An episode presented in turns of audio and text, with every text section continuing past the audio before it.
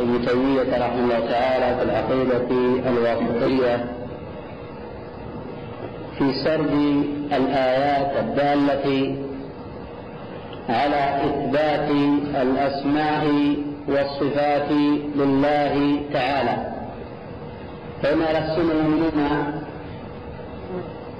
بكل ما جاء في الكتاب والسنة ويثبتون لله الأسماء والصفات إثباتا بلا تمثيل وتنزيها بلا تعطيل لأن الله جل وعلا ليس كمثله شيء لا في ذاته ولا في صفاته ولا في أفعاله وهو السميع البصير. ويخالفون أهل البدع من المعطلة والمؤولة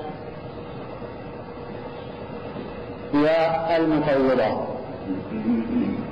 ما الفرق بين التعطيل والتأويل؟ التعطيل تعطيل نفي الصفة عن الله بدون استبدال. فمن مقصود التعطيل؟ لا إذا قيل بئر عطل ما معنى ذلك؟ في بئر عطل يعني خالي. يعني هذا ماذا قال من الزنا شيء. فإذا التأويل التأويل في الصحن تأخيري ولا التأويل ككل كمعنى شرعي؟ يطلق التأويل في الصحن تقدمي على التفسير. يطلق على المتكلمين هذا البدع على معنى شرط اللفظ عن ظاهر باستبداله بغيره. طبعا بلا يعني حجة ولا بينة ولا قرينة فهذا التقوير هو إثبات الأسماء والصفات بدون المعاني. يعني يثبتون الألفاظ دون معاني فما الفرق بين الجهمية والأشاعرة؟ الشاعر يكون سم سميع بلا سم الجهمية يكون دون معنى نهائيا وأكثر من المعنى. الشاعر يكون سميع بلا سم أو المعتزلة يقولون هذا؟ لا طبعا الشاعر يكون علامة على الشر أي أما المعتزلة يكون نعم. الجهمية يعني يكون ذلك مطلقا والمعتزلة يقولون عن الله بما سميع بلا سمع عليم بلا علم. والأشاعرة يثبتون الألفاظ ويحفظون عن إثبات المعاني بمعاني أخرى. فيثبتون الأسماء والألفاظ المجردة.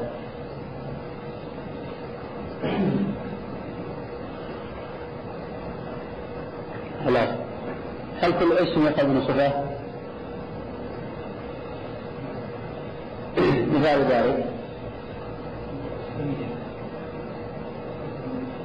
وهو السميع البصير يعني نأخذ ذلك اسم الله السميع ونأخذ من يشتق من الاسم صفتان وهو السامع والبصر طيب اسماء الله مشتقة أم لا؟ كيف معنى الجهنم؟ ونفس نحو الصفة إذا هذا هو اشتقاق يقول ابن القيم رحمه الله تعالى في النونية أسماؤه أوصاف مدح كلها. مشتقة قد حملت لمعاني يشترط في الاسم شروط. أبا أحمد نعم يشترط بالنسبة لله اسما شروط. شروطا نعم يدل على معنى. يعني ليس يطلق على الله يكون اسما إذا لابد يدل على معنى. طيب الدهر. النبي صلى الله عليه وسلم يقول الله هو الدهر. هل نقول عن الدهر بين الاسم اسم الله أم لا؟ لماذا؟ لأنه يطلق على الله.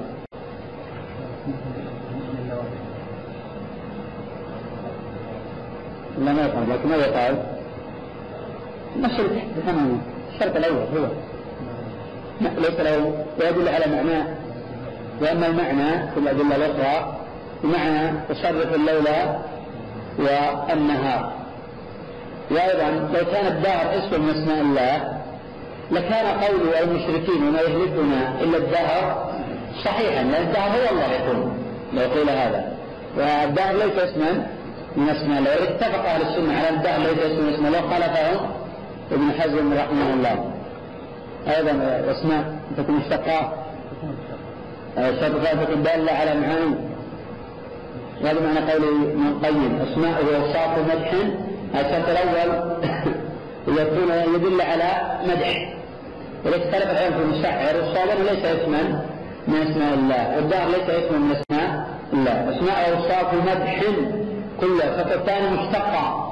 ويشار بقول مشتقة الجهة الثالث قد حملت لمعاني. قد حملت لمعاني. وهذا البيت يرد أيضا على المعتزلة ورد على الجهمية ورد على آه المفوضة. ورد على المفوضه من قوله قد حملت لمعاني. يكون المفوضه كما جاء فلا يثبتونها معانيها.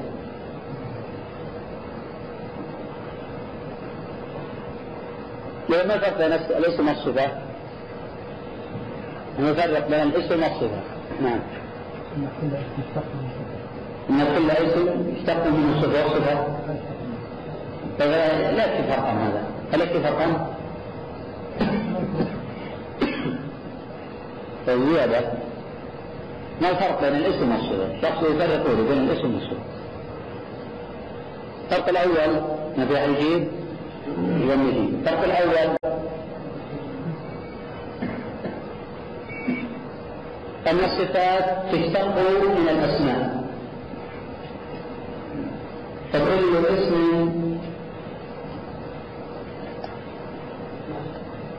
فكل اسم يؤخذ منه صفة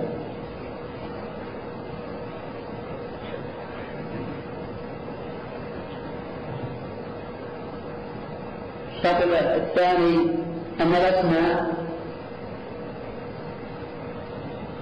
دالة على الذات.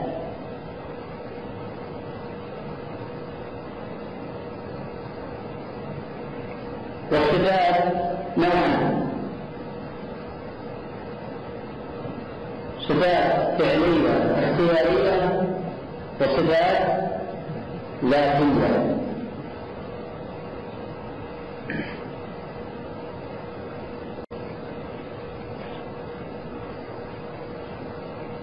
الشرط الثالث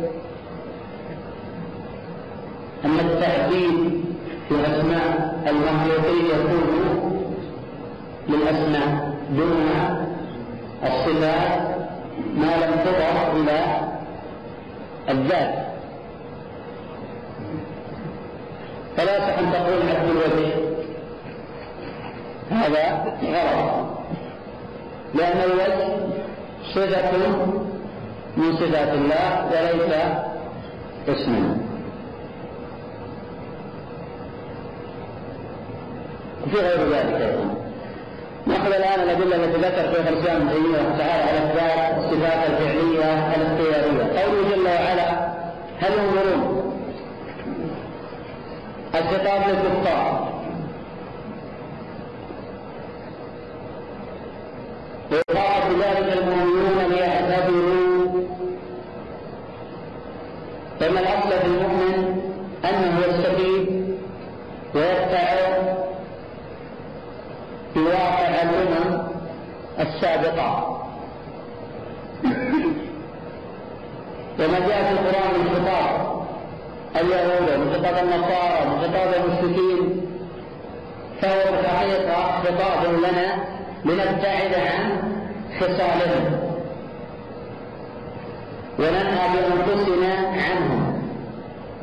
فقوله جل وعلا قل يا الكتاب لستم على شيء. حتى تقيموا التوراة والإنجيل. ثانيا أن الله القرآن ليس على شيء حتى يقيموا كتاب الله ويتبعوا سنة رسول الله صلى الله عليه وسلم. فقوله جل وعلا هل ينظرون إلا أن يأتيهم الله؟ فيه إثبات المجيء لله جل وعلا. فإن الله جل وعلا يأتي يوم القيامة لفصل القضاء. وهذا من الصفات الفعلية الاختيارية. وأهل السنة يؤمنون بذلك. وخالف بذلك البدع من الجهمية والمعتزلة والأشاعرة وغيرهم. ويقولون عن المجيء بأنه مجاز. وهذا غلط من وجوه الوجه الأول. أن الأصل في الكلام الحقيقة دون المجاز.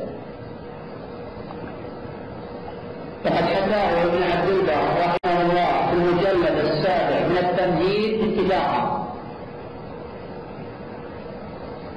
ولو لم يكن ولو لم تكن الحقيقة هي الأصل في الكلام لكان الناس في اضطراب. يتحدثون ويقول معني المجاز. ولا يقول للحقيقة معنى؟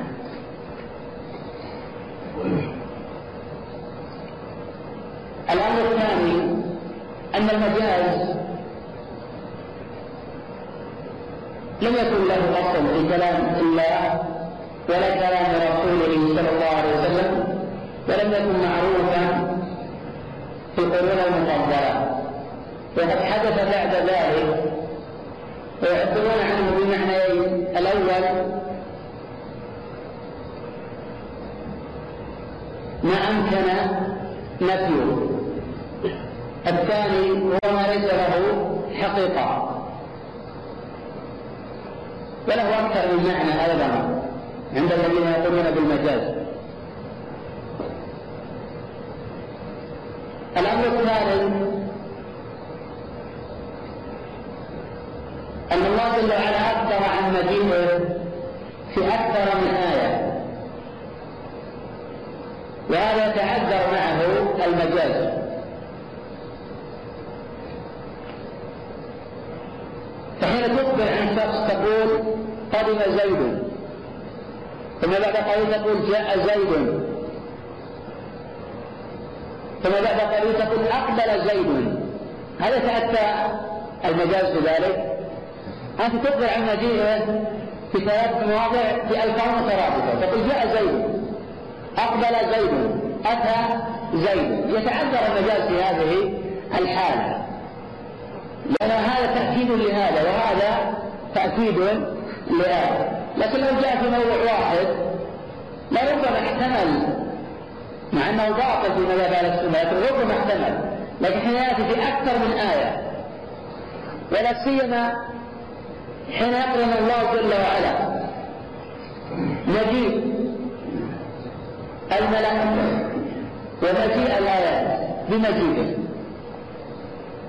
فهذا يبرر كل قول كل دعوة في المجاز فإن الذين قال ينظرون إلا أن تأتيهم الملائكة. أو يأتي ربك. أو يأتي بعض آيات ربك.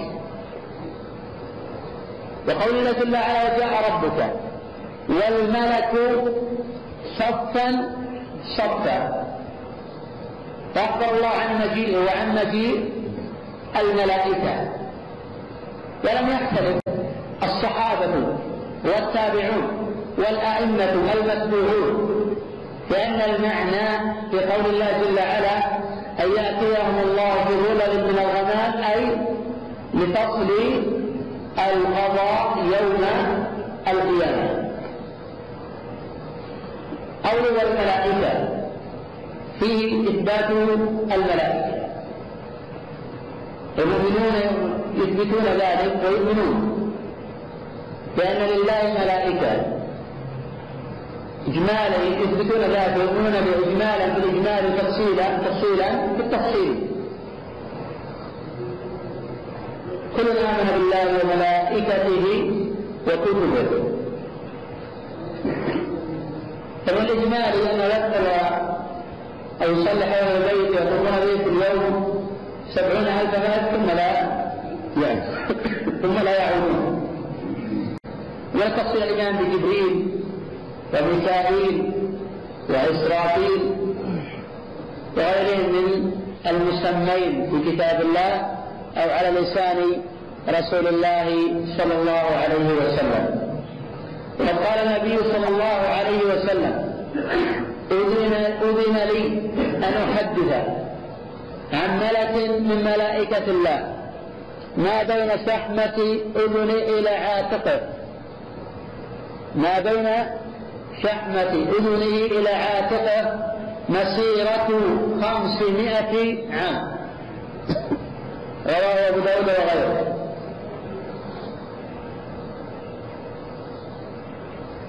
قوله وقضي الأمر. أي بالفصل بينهم. وجاءهم ما كانوا يوعدون. فريق في الجنة وفريق في السعير وقوله جل وعلا هل ينظرون إلا أن تأتيهم الملائكة؟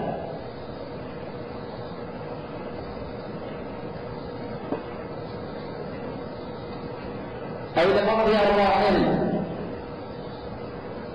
أو يأتي ربه أي لفصل القضاء يوم القيامة أو يأتي بعض آيات ربك من عذاب وبطش وبراكين وزلازل وفيضانات وغير ذلك. يوم يأتي بعض آيات ربك لا ينفع نفسا إيمانها لم تكن آمنت من قبل. فإن التوبة لا تقبل في موطنين. الأول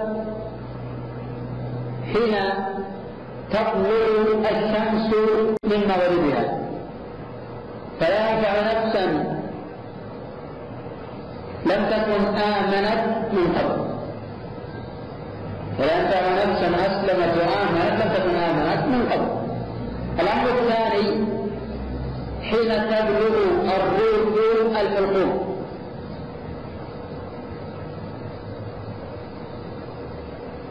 فلا تقبل توبة أحد. فلا يقبل إسلام الكافر ولا توبة العاصي. في قول ثالث في المسألة أو ثاني في المسألة أنه إذا خرج الدجال فلا توبة لأحد.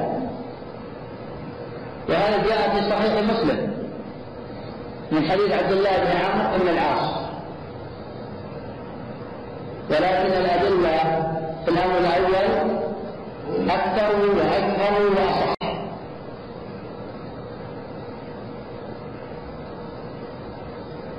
وأن التوبة بخروج الدجال مقبولة فلا تمتنع التوبة إلا في الأمرين الماضيين. وقول هذه الآية إثبات الصفات لله جل وعلا. ومن ذلك إثبات الصفات الفعلية. ومن ذلك إثبات الصفات الاختيارية.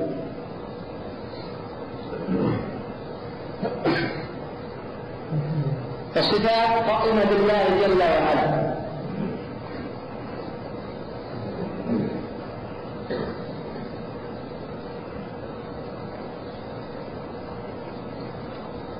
وقوله جل وعلا كلا إذا دكت الأرض دكا دكا وجاء ربك. الأصل في اللفظ حمل على حقيقته. وأن المجيء هو لله يوم القيامة لفصل القضاء.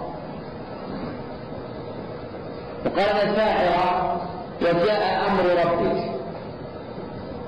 وبعض الناس المتأثرين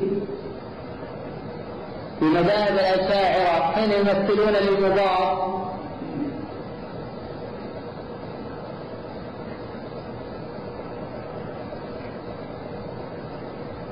الذي حل المضاف إليه مقامه يمثلون بهذه الآية يقول الأصل وجاء أمر ربك فحدث المضاف ويقيم المضاف إليه مقامه فصارت الآية وجاء ربك ولا في الأصل وجاء أمر ربك.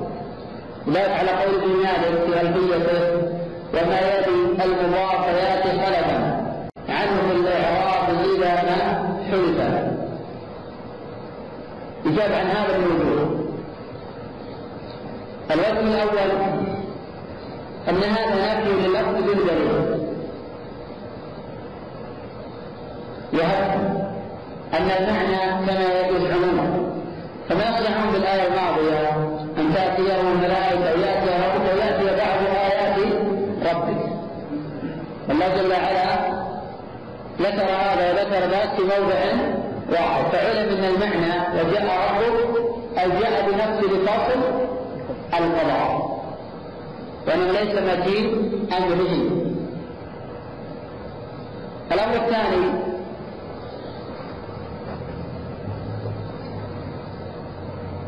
أن أمر الله جل وعلا يكون بالكون كما قال الله جل وعلا إنما أمره إذا أراد شيئا أن يقول له كن فيكون. فلا يحتاج إلى أن يقال وجاء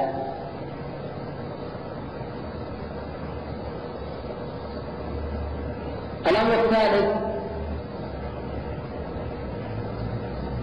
أن التقدير يحتاج إلى دليل. ولا لا دليل في ذلك ولا قرينة. أن التقدير يحتاج إلى دليل ولا دليل في ذلك ولا قرينة.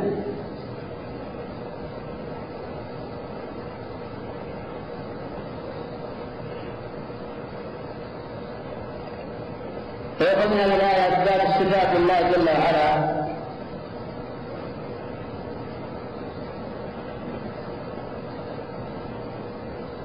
إثبات الصفة الفعلية والاختيارية إثبات مجيء الرب فنثبت لله جل وعلا ذلك إثباتا بلا تمثيل وتنزيها بلا تعطيل وقوله يوم تشقق السماء بالغمام ونزل الملائكة تنزيلا. وقال إلى الآية السابقة أن جل وعلا بفضل القضاء. يؤخذ من الآية تدعو بالله جل وعلا ونزل الملائكة تنزيلا. فأن الله جل وعلا فوقهم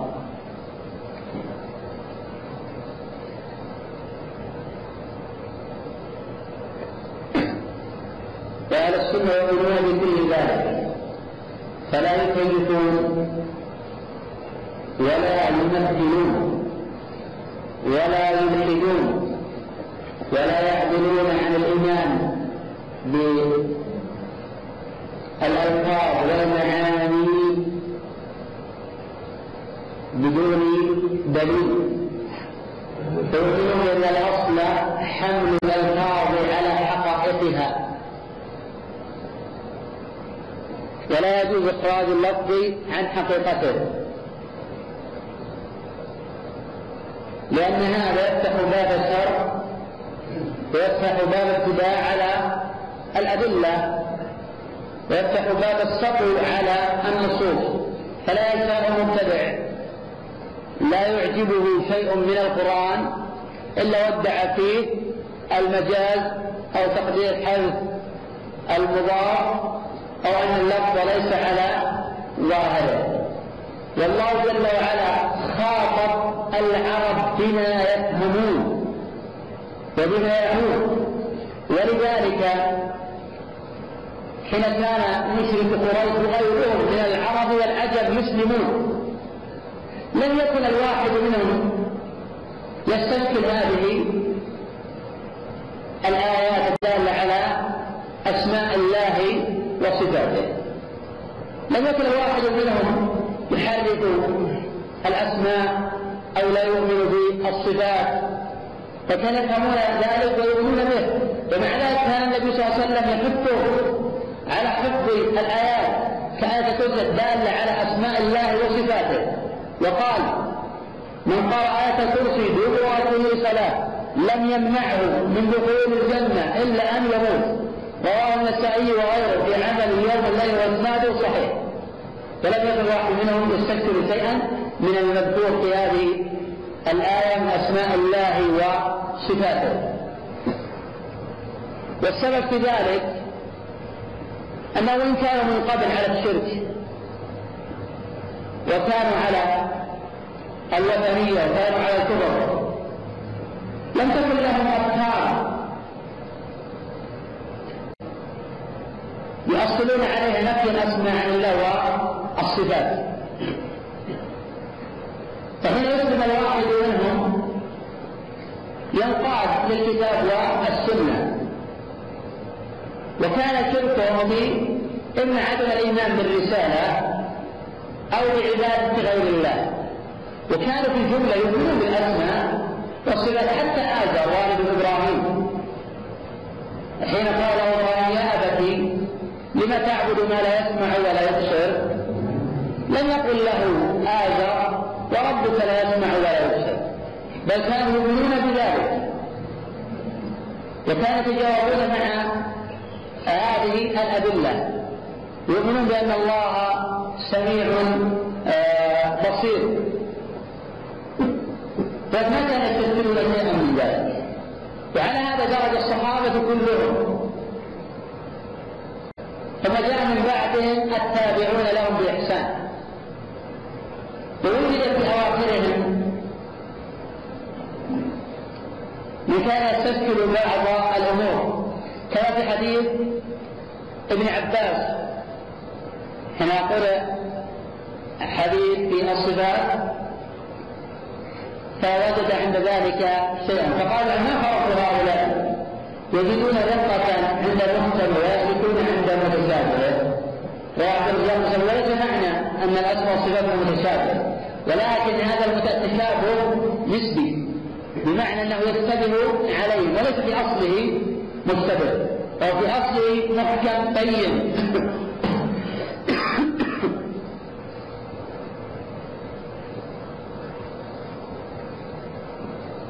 فهو في اصله محكم بين. بدليل أنه لم يكن أحد يستشكل شيئا من ذلك في واقع الصحابة رضي الله عنهم. ثم خرج أهل البدع. كالجعد بن درهم. بن درهم تلقى بدعة عن نبي بن الأعصم قيل هو سحر النبي صلى الله عليه وسلم. ثم بدأ يحدث الأسماء والصفات ويشيع ذلك ويحاول يلبس على الآخرين فتلقى بدعته عنه الجهم بن صفوان ونسبت بدعة الجهمية إليه.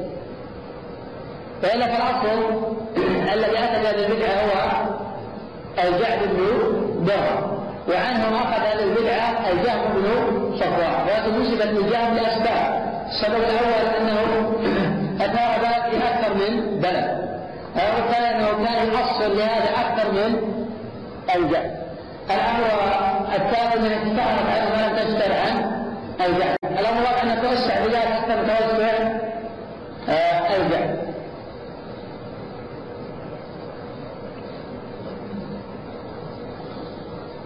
ولذلك حين يكون هؤلاء يقع في قلوب خير من مثلا هذا حسن الأشعري على إمامة والإلقاء ودلالة فضل وعظيم منزلته كان على مذهب المعتزلة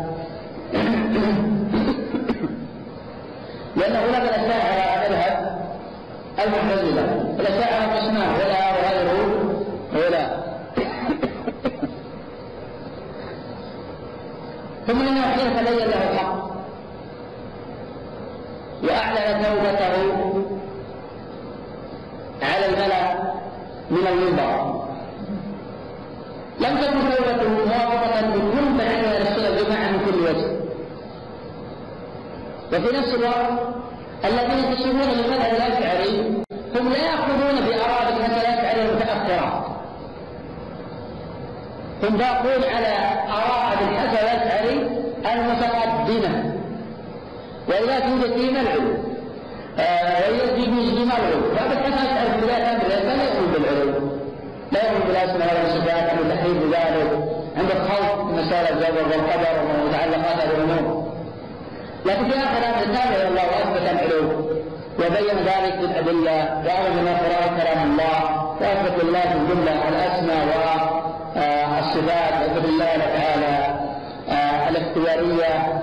ولكن هؤلاء بقوا على ما كان عليه من قبل ولم يأخذوا بما كان عليه من بعد. فهؤلاء ينتسبون إلى أبي الحسن الأشعري ظلما وزورا فلا ينتسبون حقيقة.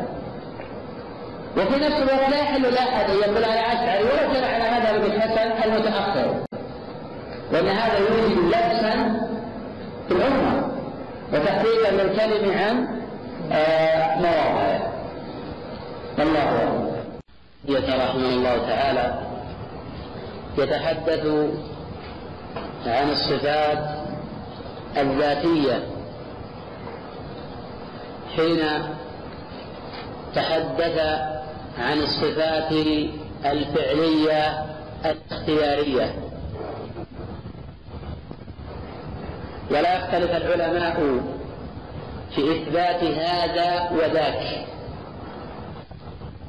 فإن الله جل وعلا موصوف بصفات الكمال منعوت بنعوت الجلال.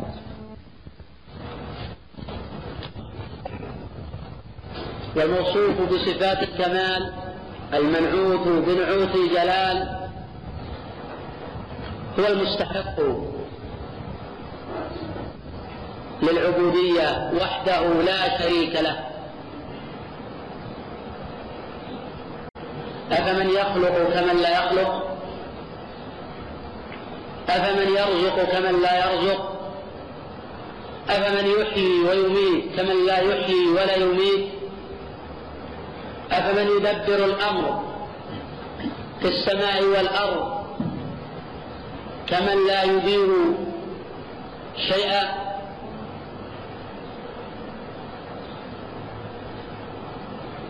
وكثيرا ما يستدل الله جل وعلا على عباده بتوحيد الربوبية على توحيد الإلهية. وهذا كثير في كلام الله.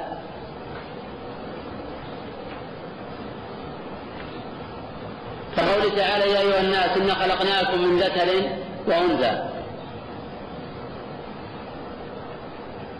الله جل وعلا يستدل على العباد بخلقهم ورزقهم على إفراد الله بالعبادة وأنه المألوه المعبود حق دون ما سواه. ذلك بأن الله هو الحق وأن ما يدعون من دونه الباطل. والإله هو المألوه محبة وتعظيما وخوفا ورجاء.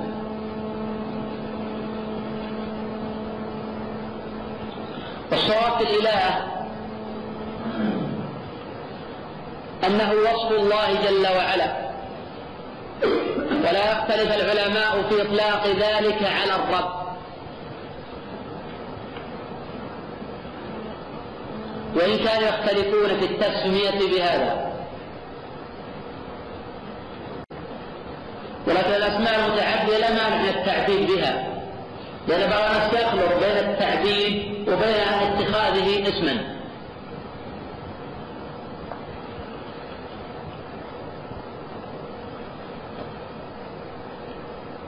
فلا حرج من التسمي بعبد الإله. لأن الإله حين يعرف بالألف واللام ينصرف الذهن إلى الرب جل وعلا.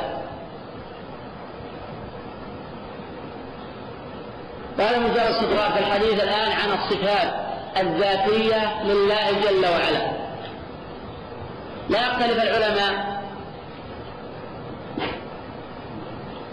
أن الصفات لله تثبت بالكتاب أو السنة الصحيحة. ولا يدخل في ذلك القياس. فإن القياس في المسائل الفقهية المعللة. فإذا المسائل الفقهية غير المعللة لا يدخلها القياس أيضا.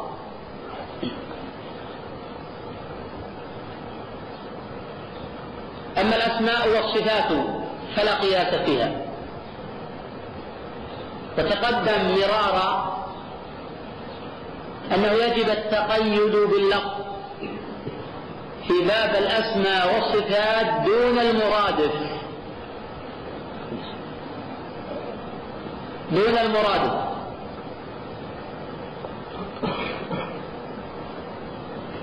لأن المرادف قد يكون أقل معنى.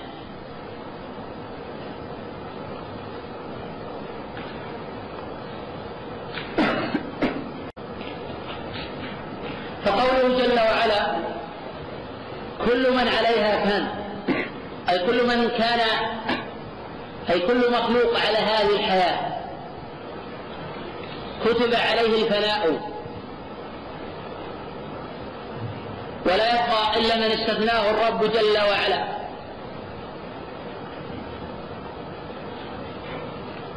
كالجنة والنار والملائكة. وقد استثنى الله جل وعلا نفسه فقال ويبقى وجه ربك ذو الجلال والإكرام ففيه إثبات صفة الوجه لله جل وعلا.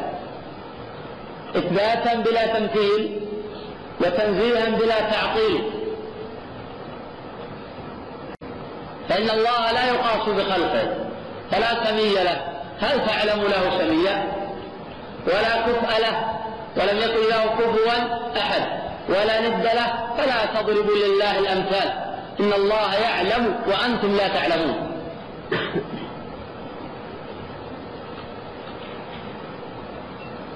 فقوله وجه ربك فيها المغايرة بين الوجه وبين الذات.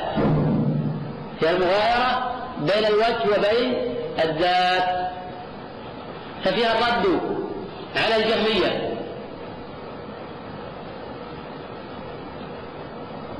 والمعتزلة والأشاعرة والكرامية والماتريدية وعامة طوائف أهل البدع الذين يمتنعون عن إثبات صفة الوجه ويقولون بأن الوجه يراد به الذات. الله في هذه الآية أضاف الوجه إلى الذات وهذا نص صريح بالمغايرة.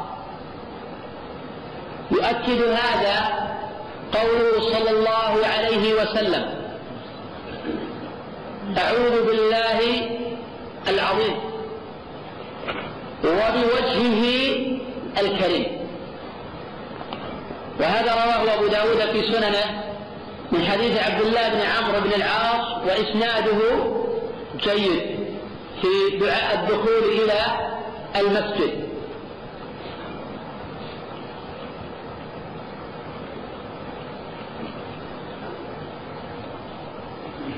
ولا يختلف أهل السنة في اثبات صفة الوجه لله جل وعلا إثباتا بلا تمثيل وتنزيها بلا تعطيل. الجهمية ينفون ذلك مطلقا. والأشاعرة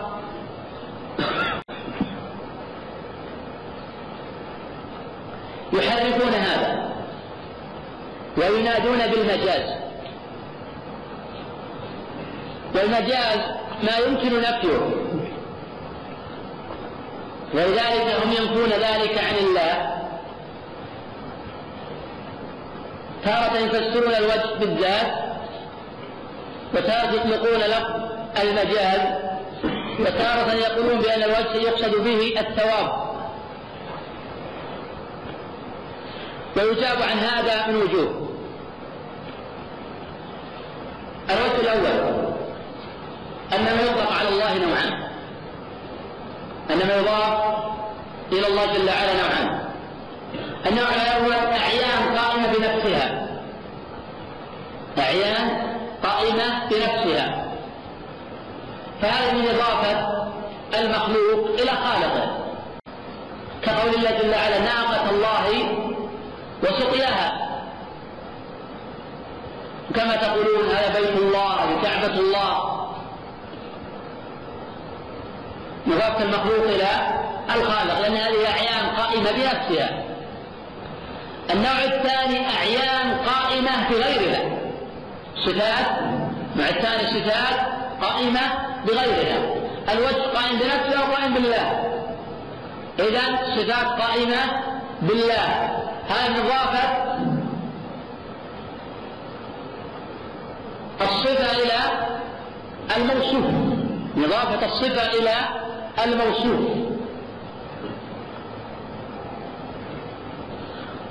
وصفات الله من الله. ليست بمخلوقة بإجماع المسلمين.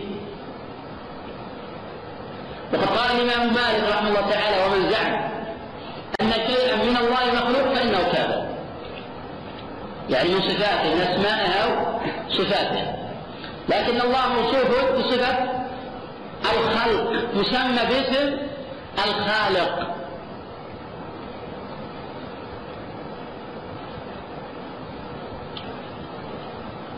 الوجه الثاني.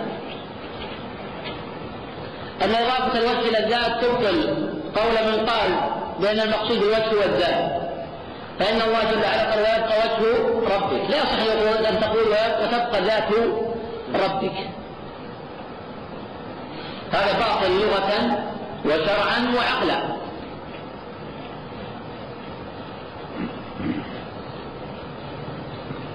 الوجه الثالث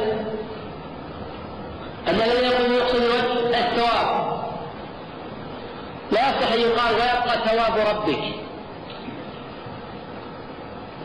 لأن هذا ليس بصفة مدح. ولا يصح أن تقول ويبقى ثواب ربك ذو الجلال والإكرام. لأن ذو للوجه وليس للرب لو كان للرب لقال الله ذي الجلال والإكرام. لقال ذي الجلال والإكرام. الله قال ويبقى وجه ربك ذو. إذا الصفة لمن؟ للوجه وليس للرب اللي هو الذات. فبالتالي لا يصح ويبقى ثواب ربك ذو الجلال والإكرام. الثواب ذو الجلال والإكرام. فعلم أن المقصود ذلك هو وجه الرب جل وعلا. وأنها من الصفات الذاتية التي أجمع عليها المسلمون.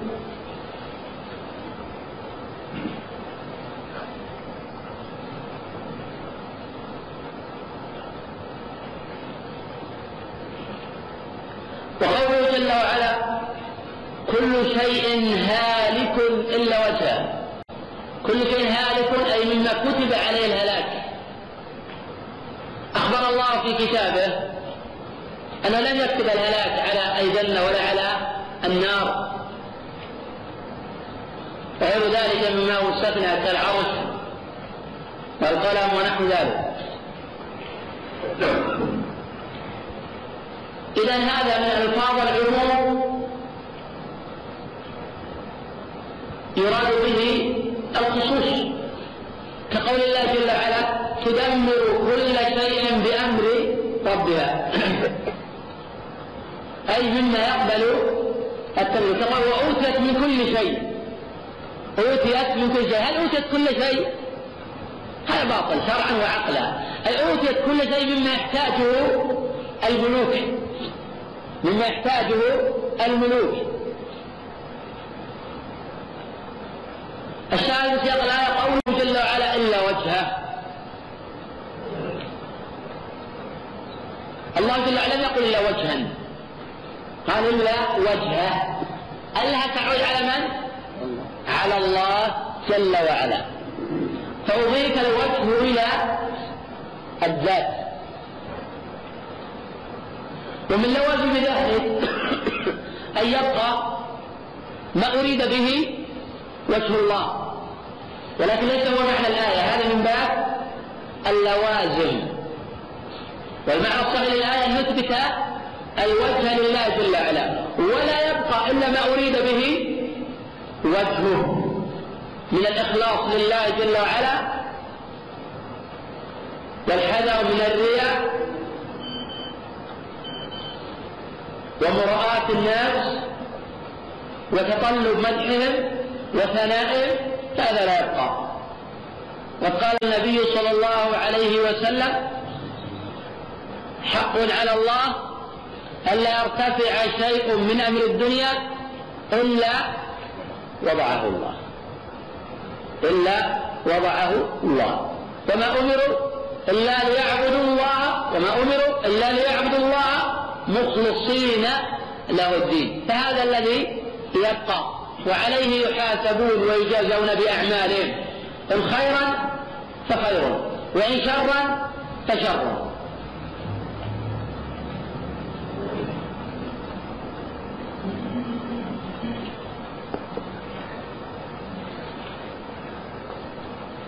وقد ذكر الشيخ رحمه الله تعالى آيتين في إثبات صفة الوجه. وهو الآن في سياق سرد الآيات.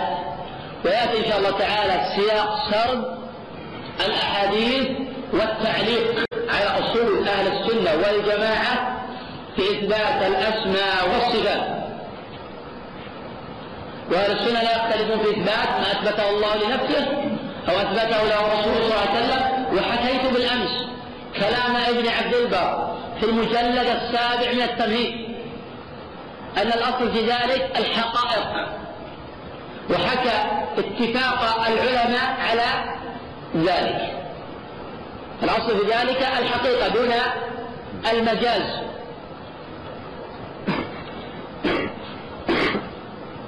فما أطلقه الله على نفسه أو أطلقه عليه رسوله صلى الله عليه وسلم فنؤمن بذلك حقيقة. ونؤمن بأن الله ليس كمثله شيء. نظر ابن القيم في نونيته اعتقاد أهل السنة والجماعة في هذا الباب فقال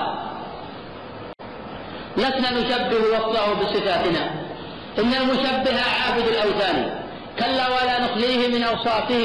إن المعطل عابد البهتان. من شبه الرحمن العظيم بخلقه فهو الشبيه لمشرك النصراني. أو عطل الرحمن عن أوصافه فهو الكفور وليس ذا الإيمان. شرع رحمة تعالى أن يتحدث ويوجد الآيات الدالة على إثبات صفة اليدين لله جل وعلا. والأدلة في ذلك متواترة.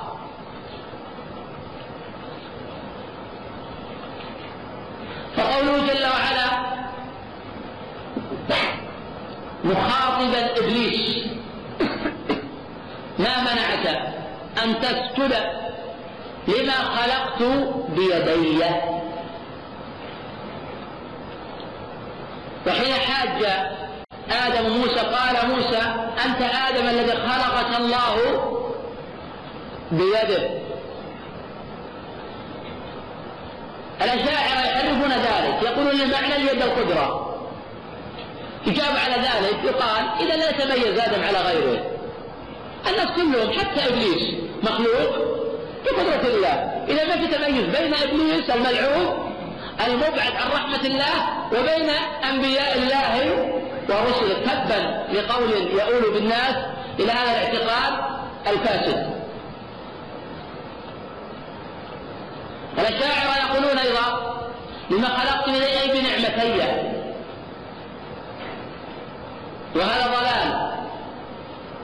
لأن نعم الله متعددة ولماذا يخلق هذا بنعمتين؟ والله يقول وإن تعد وإن تعدوا نعمة الله لا تحصوها. وقد امتن الله على آدم بذلك.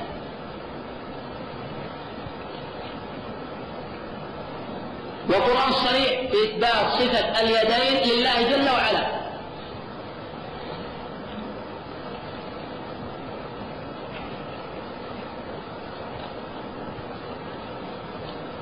وقوله جل وعلا وقالت اليهود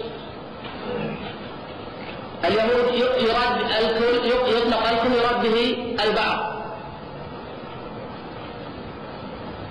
وهذا كثير في كلام الله جل وعلا. كقوله تعالى وقالت اليهود عزير من الله. هل كل اليهود يقول عزير من الله؟ الجواب لا. كقول الله جل وعلا الذين قال لهم الناس الذين قال لهم الناس إن الناس قد جمعوا لكم فاخشوهم. هل كل الناس يقولون ذلك؟ هذه حفنة من كفار قريش. الذين قال لهم الناس في كالفارس والروم لم يقولوا. الذي قال ذلك بعض كفار قريش. الذين قال لهم إن الناس قد جمعوا لكم فاخشوهم فزادهم إيمانا وقالوا حسبنا الله ونعم الوكيل. وقالت اليهود عزير بن الله وقالت النصارى المسيح ابن الله. هل النصارى كلهم يقولون المسيح ابن الله؟ لا. هذا إطلاق الكل به البعض ومثل هذا كثير في كلام الله وكلام رسوله صلى الله عليه وسلم. وفهم هذا يعين على فهم القرآن. ويعين على فهم السنة. ويعين على فهم المراد. فقوله جل وعلا قالت اليهود يد الله مغلولة. يريدون بذلك بأن الله بقي تعالى الله عن قوله علوا كبيرا فرد الله عليهم بقوله غلت أيديهم دعاء ولعنوا بما قالوا. بل يداه مبسوطتان. قطعا لا يراد بذلك النعمة. لا يصح أن تقول بل نعمتان مبسوطتان إذا النعمة الأخرى. وبالتالي قطعا يراد بذلك إثبات صفة اليدين لله جل وعلا. يوضح هذا قوله. صلى الله عليه وسلم وكلتا يدي ربي يمين. وقال صلى الله عليه وسلم إن الله وضع السماوات على ذه والأراضين على ذه والشجر على ذه إلى آخر الحديث. ثم يأخذهن بيده فيقول أنا الملك أين الجبارون؟ أين المتكبرون. الحديث متفق على صحته. وقال الله جل وعلا وما قدر الله حق قدره والأرض جميعا قبضته يوم القيامة. والسماوات مطويات بيمينه. لأن لا يصح أن تقول مطويات بقدرته. لأن كل شيء تحت قدرة لا يأخذ شيء عن قدرة الله جل وعلا. والأدلة على هذا كثيرة في إثبات صفة اليدين لله جل وعلا فنثبت ذلك لله. إثباتا بلا تمثيل وتنزيها بلا تعطيل ونؤمن بكل ما جاء عن الله على مراد الله وبكل ما جاء عن رسول الله صلى الله عليه وسلم على مراد رسول الله صلى الله عليه وسلم. لا نحرف ولا نكيف ولا نمثل بل نؤمن بكل ذلك. وهذه حقيقة الإيمان. آمن الرسول بما أنزل إليه من ربه والمؤمنون. كل آمن بالله وملائكته وكتبه ورسله. لا نفرق بين أحد من الرسل وقالوا سمعنا وأطعنا. الأشاعرة قالوا سمعنا وعصينا. لأن يحرفون الكلمة عن مواضعه. ويخرجون هذه الأسماء والصفات عن حقائقها. تحت مسمى الهرب والبعد عن التشبيه. ألا في الفتنة سقطوا. ألا في الفتنة والتشبيه سقطوا. هم يعتقدون أنهم حين يثبتون ذلك؟ يشبهون المخلوق بالخالق. لما وقع هذا في قلوبهم أرادوا يتخلصوا من هذا الاعتقاد الفاسد. نفوا ذلك عن الله فوقعوا في التعطيل عقلوا. ثم لما عطلوا وقعوا في التشبيه شبه الله جل وعلا بالجمادات والمعلومات ولهذا قال بعض السلف كيعين محمد خزاعي وجماعة من عطل الله عن أسمائه وصفاته فهو يعبد عدما فهو يعبد عدما. ومن شبه الله بخلقه فهو يعبد وتقدم بالامس وأكرر أن إبراهيم عليه وعلى نبينا الصلاة والسلام حين دعا أباه إلى التوحيد. قال يا أبتي يا أبتي لما تعبد؟ ما لا يسمع ولا يبصر. لم يقل أبوه المشرك وربك لا يسمع ولا يبصر. لم يقل ذلك بل كان مقرا بذلك مؤمنا بذلك.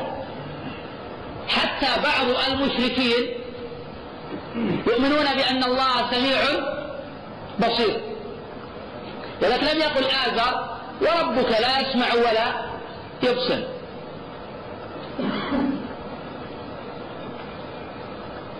ومثل هذا كثير. فإذا الشيخ رحمه الله تعالى تحدث عن المسائل أو الصفات الفعلية الاختيارية وتقدم الحديث عن ذلك. شرع الآن يتحدث عن الصفات الذاتية في إيراد الأدلة من كتاب الله على إثبات صفة الوجه وعلى إثبات صفة اليدين ونتابع ذلك غدا إن شاء الله تعالى. إشارة إلى الأصابع. نعم في إثبات صفة الأصابع لله جل وعلا وهذا متواتر عن النبي صلى الله عليه وسلم في حديث ابن مسعود في الصحيحين وفي حديث ابن عمر في الصحيحين. نعم.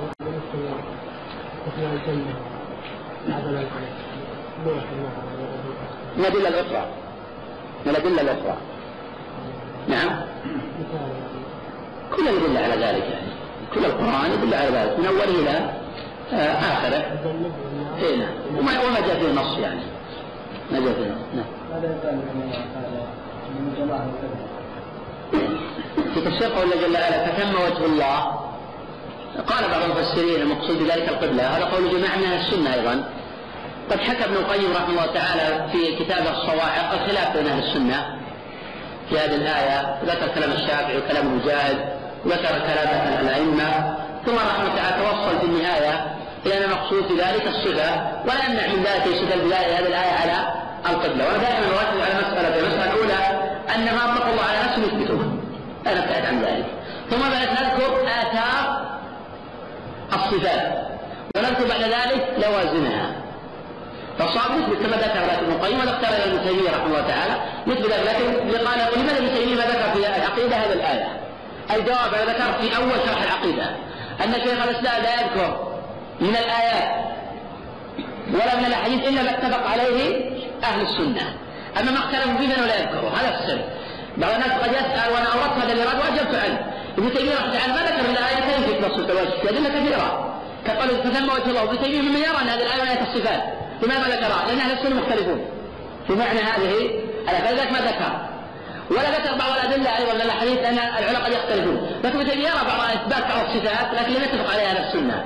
فلا قد لا يذكرها. يذكر ما اتفق عليه أهل السنة وهو أيضا نص على هذا بنفسه. في مناظرة العقيدة والصوفيه ونصحكم بقراءة هذه المناظرة.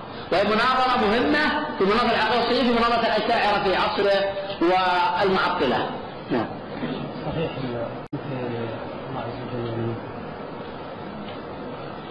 رواية الشمال الواردة في صحيح مسلم تفرد بها عمر بن حمزة وهو سيء الحفظ فلا يحتج بروايته.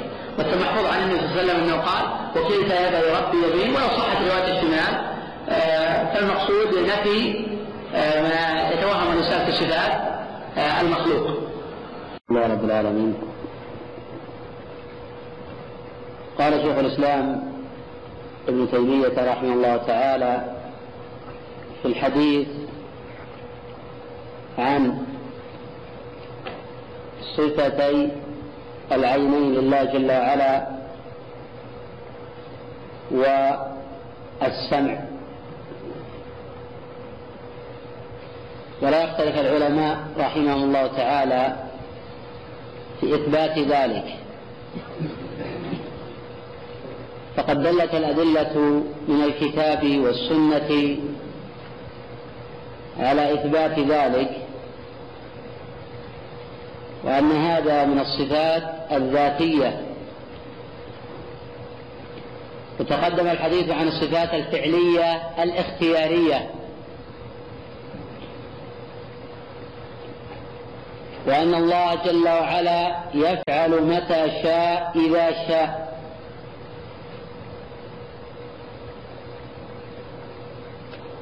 تقدم الحديث عن صفة الرحمة والغضب وأن الله جل وعلا يرحم الرحماء يرحم الذين آمنوا ويغضب على الذين كفروا.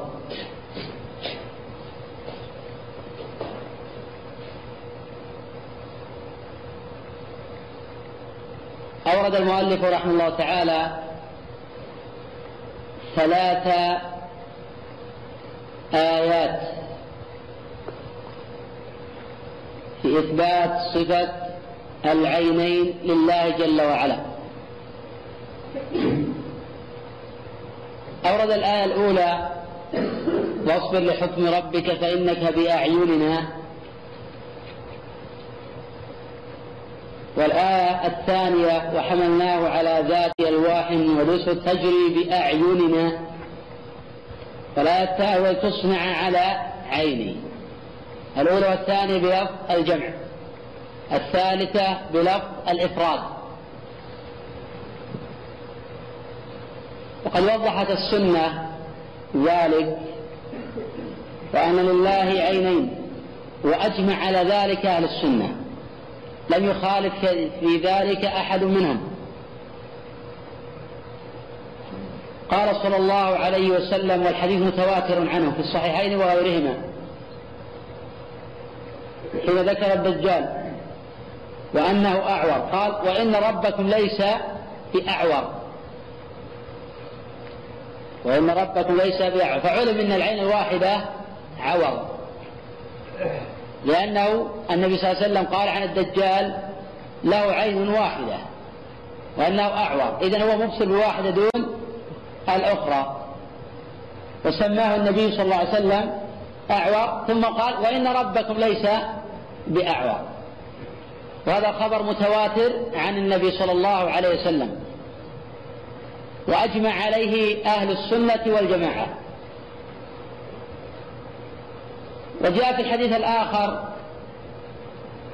اللي معه جوال يا اخوان يغلقوه يعني يأثر على الأجهزة دعنا نكرر مع جوال يغلقوه يعني معذرة اللي ما عنده رغبة يغلقوه يعني عن مكان آخر. الدليل الآخر الحديث الوارد عن النبي صلى الله عليه وسلم إذا قام أحدكم يصلي فإنه يكون بين عيني الله بين عيني الله ولكن هذا الخبر تفرد به إبراهيم الخوزي. وهو متفق على ضعفه. وليس في الباب دليل يحتج به سوى الحديث السابق الذي اتفق على معناه أهل السنة.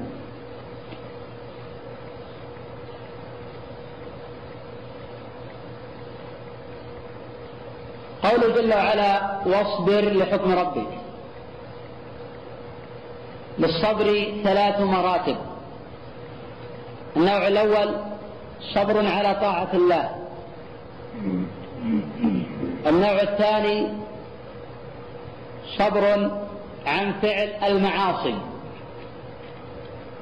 النوع الثالث صبر على الأقدار المؤلمة من الأمراض ونحوها. يا أيها الذين آمنوا اصبروا وصابروا. وقال تعالى واصبر وما صبرك إلا بالله. وأمر أهلك بالصلاة واصطبر عليها.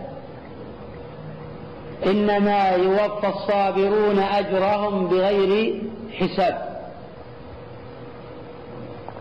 قوله لحكم ربك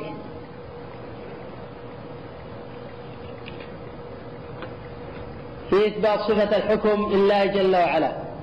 قال تعالى إن الحكم إلا لله. نقول معنى الحكم هنا بمعنى القضاء. أي واصبر لقضاء ربك. وحكم الله نوعان. النوع الأول حكم قدري. النوع الثاني حكم شرعي ديني.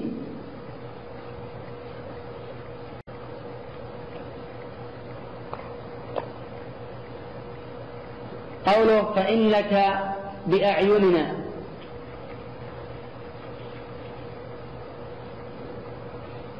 يثبت من ذلك صفة العينين لله جل وعلا.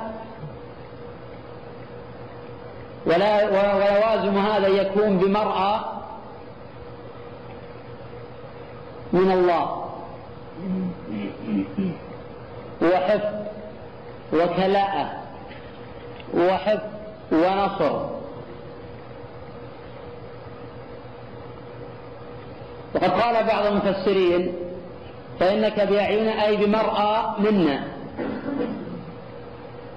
فأثبت الرؤية. ولكن لو أتى بإثبات الصفة لكان أولى. ثم يثبت على ذلك الرؤية ولوازمها. فالأصل في باب الأسماء والصفات إثبات الصفة ثم التحول إلى إثبات لوازمها والحديث عن آثارها. وقوله جل وعلا وحملناه يعني نوحا على ذات ألواح أي خشب وبسر أي مسامير تجري بأعيننا أي تجري السفينة بأعيننا أي بمرقى منا. وهذا يدل على إثبات صفة الرؤية لله جل وعلا. والآية صريحة في إثبات العينين لله جل وعلا. الله جل وعلا ليس كمثله شيء وهو السميع البصير. قول جزاء لمن كان كفر أي نصرة ومجازاة.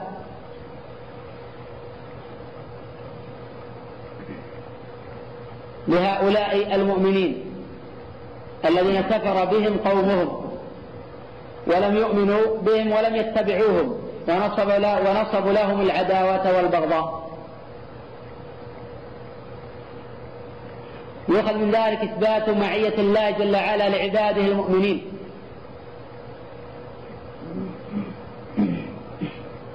ويؤخذ من ذلك نصر الله جل وعلا للموحدين.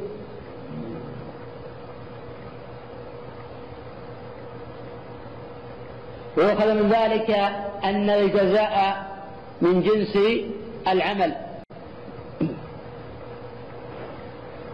فمن قام بنصر دين الله ووحد الله وأفرده وبلغ دينه لمن لا يعلمه وقضى بالحق وعدل وأمر بالمعروف ونهى عن المنكر فإن الله ينصره ويحفظه وليس معنى نصر كما يتوهمه البعض أنه لا يطال بأذى هذا غير صحيح. الله جل وعلا قال إنا لننصر رسلنا. ومن الأنبياء من؟ قتل. وسماه الله نصرا. قال تعالى ويقتلون الأنبياء بغير حق ويقتلون النبيين بغير حق. النصر الحقيقي ليس هو النصر العسكري. النصر العسكري أحد معاني النصر. أعظم أنواع النصر هو انتصار المبادئ. أن تبقى المبادئ وأن تثبت القلوب أمام طوفان الفتن والشبهات والمتسلطين. وحين امتحن الناس في عصر الإمام أحمد رحمه الله ولم يبق من الأئمة من لم يجب إلا القليل. وهؤلاء القليل حين زاد البلاء منهم من أجاب. فيحيى بن معين وعلي بن المديني وأبي معمر وأحمد بن منيع وآخرين. ومنهم من قتل كالخزاعي ومنهم من مات كمحمد بن نوح فلم يبقى إلا الإمام أحمد. فقال بعض أصحابه يا أبا عبد الله ألم ترى كيف انتصر الباطل على الحق؟ قال كلا كلا ما انتصر الباطل على الحق. ما دامت القلوب ثابتة فالحق هو المنتصر. من رام إلى العز فليصطبر على لقاء المنايا واقتحام المضايق. فإن تكن الأيام رنقنا مشربي وسلمنا حدي بالخطوب الطوارق فما غيرتني محنة عن خليقتي ولا حولتني خدعة عن طرائقي. لكنني باق على ما يسرني ويغضب أعدائي ويرضي أصادقي. لم يرد في القرآن وذلك الفوز الكبير إلا آية واحدة في سورة البروج كل القرآن من أول إلى آخر. ما في وذلك الفوز الكبير. في وذلك الفوز العظيم. ذلك هو الفوز العظيم. وذلك هو الفوز العظيم بكثرة. لكن وذلك الفوز الكبير في موضوع واحد. قيلت لأصحاب الأخدود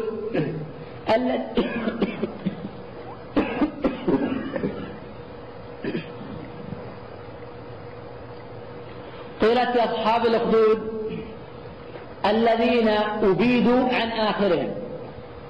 ولم يبق منهم أحد.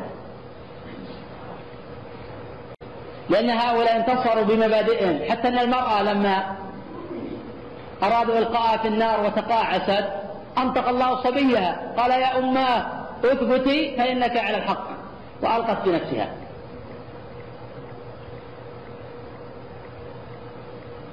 فهذا النصر وهذا الفوز الحقيقي. لأن الدنيا ساعة فلا بد أن نجعلها طاعة. وقوله جل وعلا وألقيت عليك محبة مني وألقيت عليك أي على موسى محبة مني.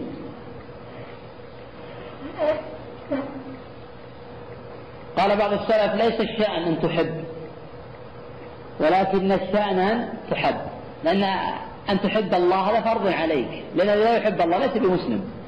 لكن الشأن يحبك الله هل رضي قولك وعملك أم لا؟ وذلك الحديث القدسي الذي رواه البخاري من حديث هريرة قال صلى الله عليه وسلم فيما يروي عن رب جل وعلا ولا يزال عبدي يتقرب إلي بالنوافل حتى أحبه. قل إن كنتم تحبون الله فاتبعوني يحببكم الله. وذا قال صلى الله عليه وسلم لأعطين الراية غدا رجلا يحب الله ورسوله ويحبه الله ورسوله.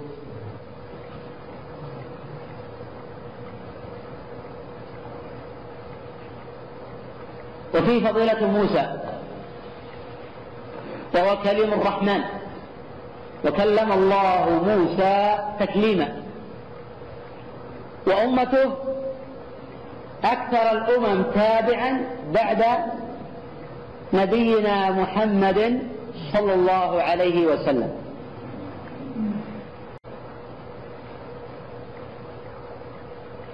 قول ولتصنع أي ولتخلق. وتتم تربيتك.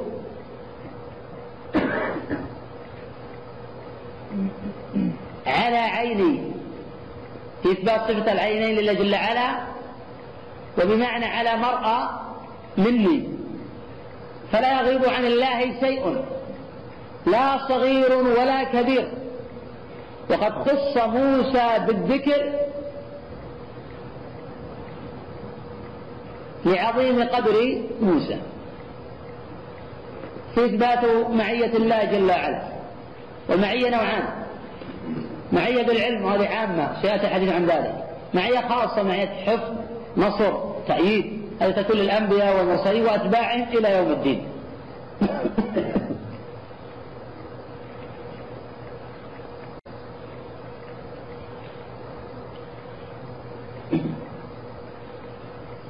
الأشاعرة ومن قبل المعتزلة ومن قبل الجهمية يحرفون ذلك ولا يؤمنون بإثبات صفة العين إلا جل وعلا.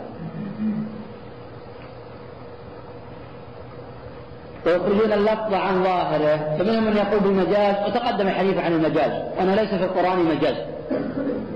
وأنما وجد مما يوهم في ألفاظ عربية كقول الله جل وعلا واخفض جناح الذل وأن الجناح في اللغة في اللغة يطلق على الجانب. والأسلوب العربي له أكثر من معنى. وحين يكون اللفظ له أكثر من معنى لا يعني أنه مجاز. إن هذا من الأساليب العربية المشهورة في لغات العرب. وتقدم الحديث أن من قال بالمجاز من أهل السنة بالقرآن لا يقول بالمجاز في الأسماء والصفات. لأن المجاز هو ما ما يمكن نفيه أو ما ليس بحقيقة. والأسماء والصفات حقيقة ألفاظها ومعانيها.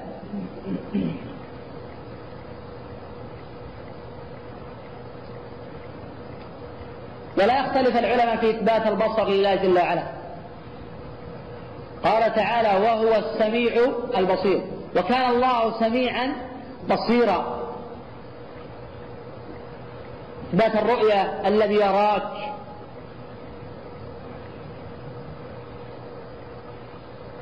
وفي إثبات الرؤيا إثبات البصر إثبات العينين. وأهل السنة يثبتون ذلك حقيقة. ولا ينفون عن الله. صفة جاءت بالكتاب لشناعة صنعت لأن أهل البدع يسمون أهل السنة مجسمة. يسمونهم حشوية يريدون التنفير عنهم. وهذا لا يعني التنازل عن الحقائق لأجل البدع أهل البدع وأهل الضلال وهذا عام في كل قضية سواء في الأسماء والصفات أو في باب السير والسلوك أو في باب الفكر أو في باب التصور أو في غير ذلك. حين تعظم الحملة على أهل الحق. لا يجوز التنازل عن المبادئ لمثل هذه الحملات. وفي مثل هذه الحملات يتميز المؤمنون الصادقون من الآخرين الذين يعبدون الله على حرف. وقوله جل وعلا قد سمع الله قد حرف تحقيق. قد سمع الله في إثبات صفة السمع لله جل وعلا. قول التي تجادلك في زوجها تجادلك. وهي قولة في زوجها أو السبن الصامت. تقول عائشة رضي الله عنها عنها. الحمد لله الذي وسع سمعه الأصوات. لقد جاءت المجادلة إلى رسول الله صلى الله عليه وسلم. وأنا قريبة من الحجرة. ويخفى علي بعض كلامها. وسمع الله شكواها من فوق سبع سماوات. قد سمع الله قول التي تجادلك في زوجها. أكرر دائما أنه لا يكفي مجرد الإيمان بالألفاظ والمعاني حتى نؤمن أيضا ونطبق ذلك في الآثار. إذا كان إذا كنا نثبت لله السمع وأنه يسمع ونؤمن بذلك ولا نحرف إذا إذا أردنا أن نعصي الله لابد أن نعلم أنه يسمعنا. إذا أردنا أن نتناجى بالباطل نستحضر سمع الله. إذا أردنا أن نغتاب نستحضر سمع الله. حين تريد أن تغتاب شخصا وهو قريب منك لا تغتابه. قد تأنس أذن صاحبك. فإذا الله يراك ويسمعك. فلا تجعل الله أهون الناظرين إليك. والذين يؤمنون بذلك حقيقة. كلما قوي إيمانهم كلما تمثل هذا في آثارهم وسلوكهم. وواقعهم. ولا تصلح المجتمعات إلا بذلك. ولذلك كان أئمة السلف يعنون عناية كبيرة في دراسة الأسماء والصفات. وقد تحدثت هذا الموضوع بتوسع في دروس ماضية. ووقع أئمة السلف في هذا الباب. وأن هذا الباب يتمثل في أعمالهم وجوارحهم وسلوكهم. وهذا الذي هو يميز الصحابة عن غيرهم. كانوا يؤمنون بذلك. وفي نفس الوقت لم يكن حديثهم عن هذا الباب كحديث المتأخرين ومع ذلك يطبقون ذلك عمليا. ترى هذا عمليا في واقعهم. فلذلك لا يراهم الله حيث نهاهم. ولا يفقدهم حيث أمرهم. فهم يتسابقون إلى الخيرات. ويتنافسون على فعل الطاعات.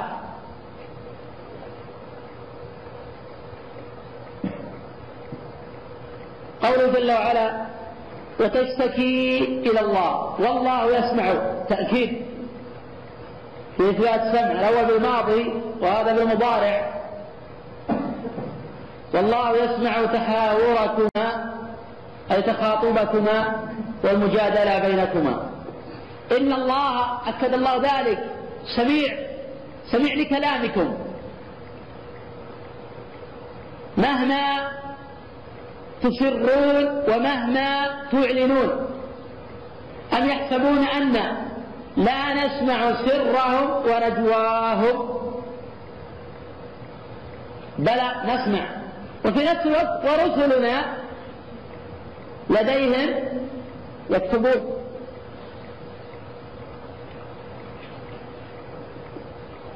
فقوله سميع بصير كقول الله جل وعلا ليس كمثله شيء وهو السميع البصير.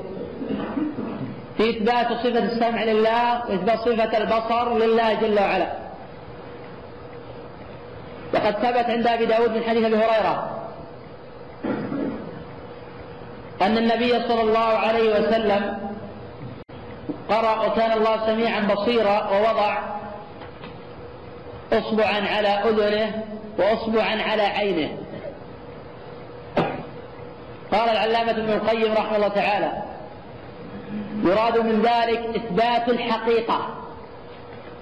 يراد من ذلك إثبات الحقيقة. وقد اختلف العلماء رحمه الله تعالى في فعل ذلك بعد النبي صلى بعد النبي صلى الله عليه وسلم. من من قال ذلك بالجواز. منهم أبو هريرة وكان يفعله. والأعمش. وكان الأعمش إذا حدث بين القلوب بين أصبعين اصابع الرحمن يشيب أصبعيه. يريدون إثبات الحقيقة وأن الأصابع حقيقة لا يريدون التشبيه ولا التمثيل. حاشاهم من ذلك. القول الثاني في المسألة أن هذا لا يجوز مطلقا. وأن هذا خاص بالنبي صلى الله عليه وسلم. الإمام أحمد رحمه الله تعالى حين رأى رجلا يقرأ قول الله جل وعلا والأرض جميعا قبضته بسط يده وقبضها. غضب عليه وقال قطع الله يدك. قطع الله يدك قطع الله يدك. ثم نهض الإمام أحمد رحمه تعالى من المجلس وتركه. القول الثالث في المسألة هذا الأقوال كلها من أقوال أهل السنة. التفصيل. ما جاء النص به فلا حرج من فعله في شرطين. الشرط الأول أن يقصد إثبات الحقيقة. الشرط الثاني يكون في مجتمع يفهمون. يكون في مجتمع يفهمون ويعون. وأما إذا كان في مجتمع لا يفهمون ولا يعون أو في مخلاط أو في معامة أو قد اتهم الإنسان في دينه أو في عقيدته أو لا يعلمون هذه الأحاديث فإنه يبتعد عن ذلك ويتكلم بلسانه دون فعله. وقوله جل وعلا لقد سمع الله قول الذين قالوا إن الله فقير ونحن أغنياء. اليهود يقولون حين أنزل الله جل وعلا من ذا الذي يقرض الله قرضا حسنا يقولون إن الله يستقرضنا فهو فقير ونحن أغنياء. فهم لا يفهمون معنى من الذي يقرض الله وأن المعنى يتصدق. ويبذل الخير وأن الله ينمي له ويزيده. وما أنفقتم من شيء فهو يخلفه. أي في الدنيا بالبدل وفي الآخرة بالأجر الجزيل والثواب الكبير. فأنزل الله جل وعلا لقد سمع الله في إثبات صفة السمع لله جل وعلا. قول الذين قالوا إن الله فقير ونحن أغنياء. قال الله جل وعلا عن اليهود غلت أيديهم ولعنوا بما قالوا بل يداه مبسوطتان ينفق كيف يشاء. عطاؤه كلام وعذابه كلام. إنما أمره إذا أراد شيئا أن يقول له كن فيكون.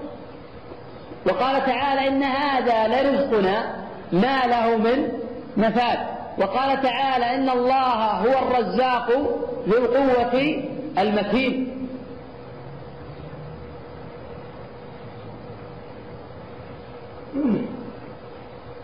ولذلك جاء في الحديث الصحيح الذي رواه مسلم من حديث أبي ذر عن النبي صلى الله عليه وسلم فيما يروي عن ربه. يا عباد يقول الله جل وعلا لو أن أولكم وآخركم وإنسكم وجنكم قاموا في صعيد واحد فسألوني فأعطيت كل واحد مسألته. ما نقص ذلك من ملكي إلا كما ينقص المخيط إذا أدخل البحر. والله جل وعلا لا تختلف عليه الأصوات. اللغات الآن الموجودة في المجتمعات بالآلاف. الهند فيما لا يقل عن 500 لغة. يسألون الله في صعيد واحد لا تختلف عليه أصواتهم. يسمعهم. ويجازيهم. وهم بمرأى من الله.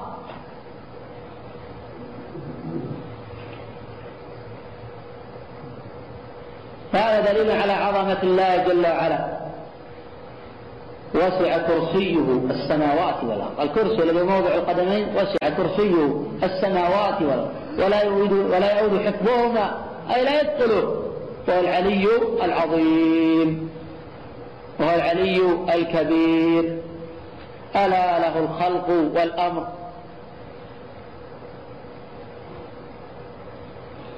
وقوله جل وعلا أم يحسبون؟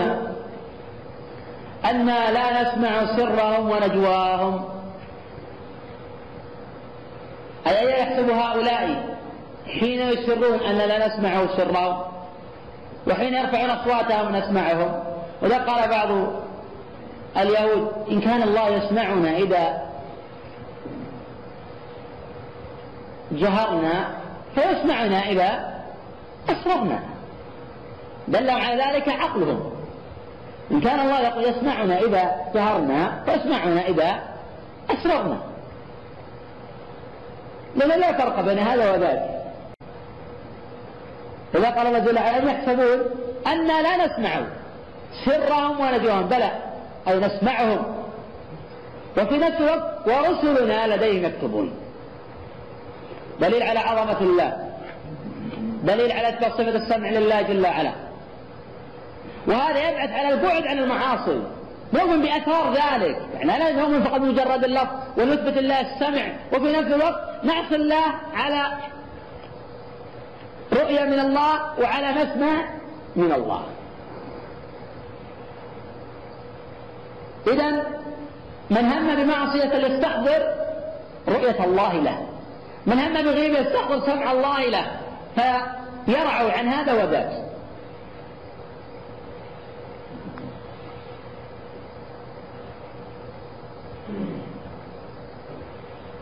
ولذلك المرة حين قالت للرجل حين جلس بين فخذيها اتق الله ولا تفض الخاتم إلا بحقه. متفق على صحته.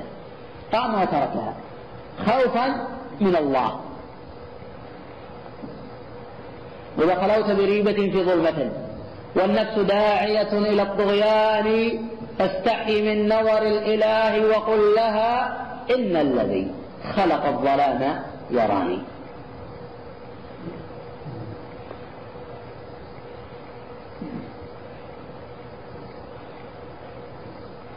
وقوله جل وعلا إنني معكما أسمع وأرى.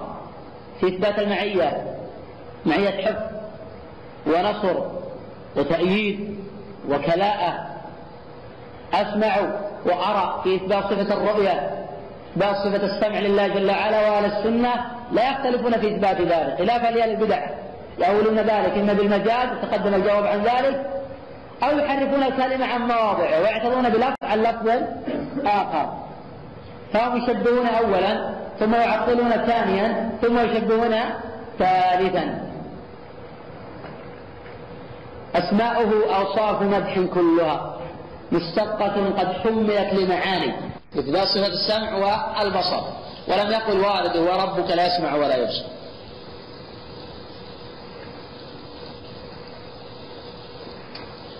وقوله جل وعلا ألم يعلم بأن الله يرى؟ في إثبات صفة الرؤيا لله جل وعلا. ولم يقل أبو جهل. أبو نبات أبي جهل. وربه لا يرى. بل كانوا يؤمنون بذلك. ويمتنعون عن الإيمان بمحمد صلى الله عليه وسلم. ويجعلون لله شركاء. ووسائط يسألونهم إغاثة اللهفات وإزالة الكربات ومعافاة ذوي البليات.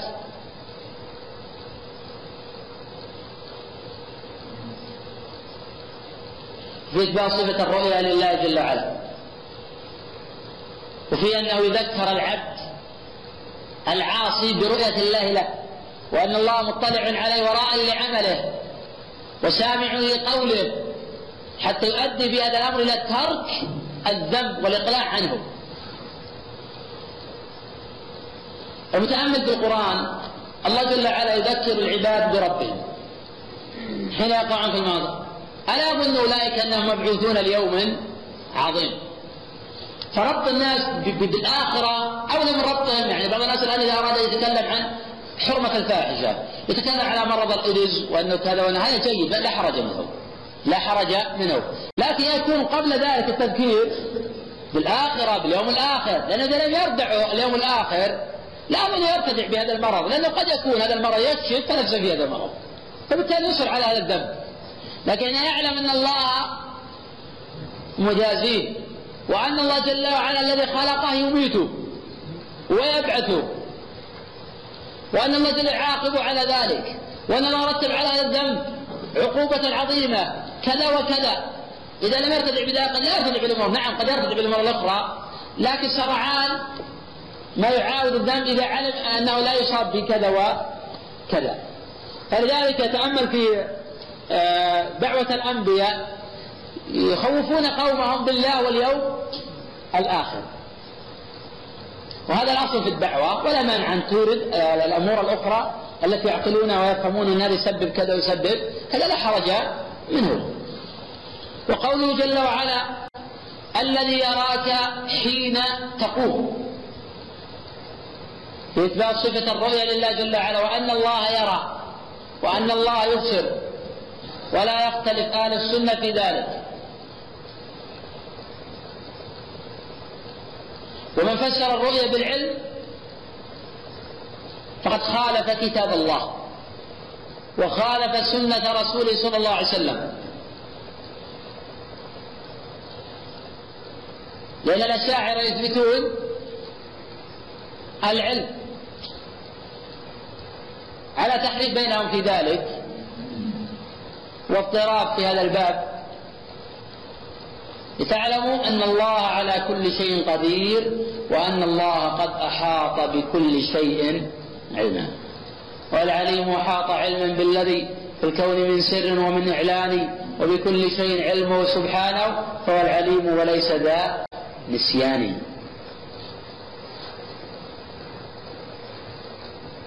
فالذين يقولون المعنى بالرؤيا العلم يخالفون ظاهر القرآن ويخالفون السنة ويخالفون العقل ويلحدون في أسماء الله وآياته.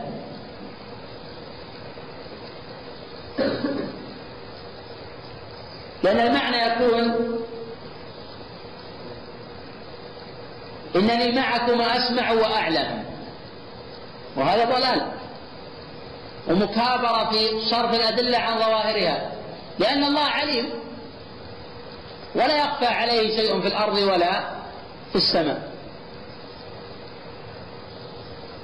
ثم أن هذا صرف لللفظ عن ظاهره ثم أن الرؤيا غير العلم. ثم أنه لا يكون في السياق بلاغة وفصاحة وأداء معنى مغاير. ثم أنه لا يختص بهذا واحد عن الآخر بالعلم. فهذا يقول في تفسير قول جل الذي يراك الذي يعلم حين تقوم يعلم ويعلم غيره. لا يختص بذلك. وكذلك الرؤيا يرى ويرى غيره ولكن الإثبات المعية اللي مقتضية للحفظ والنصر والتأييد. وفي نفس الوقت هي إشارة إلى أن الله جل وعلا يرى كل من يبدو على وجه الأرض. فالذي يفعل شيئا فإن الله يراه ولا يخفى عليه شيء لا في الأرض ولا في السماء.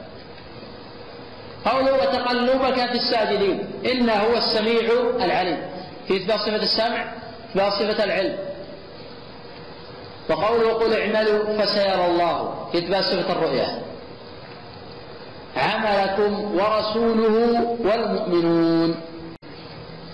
والله أعلم.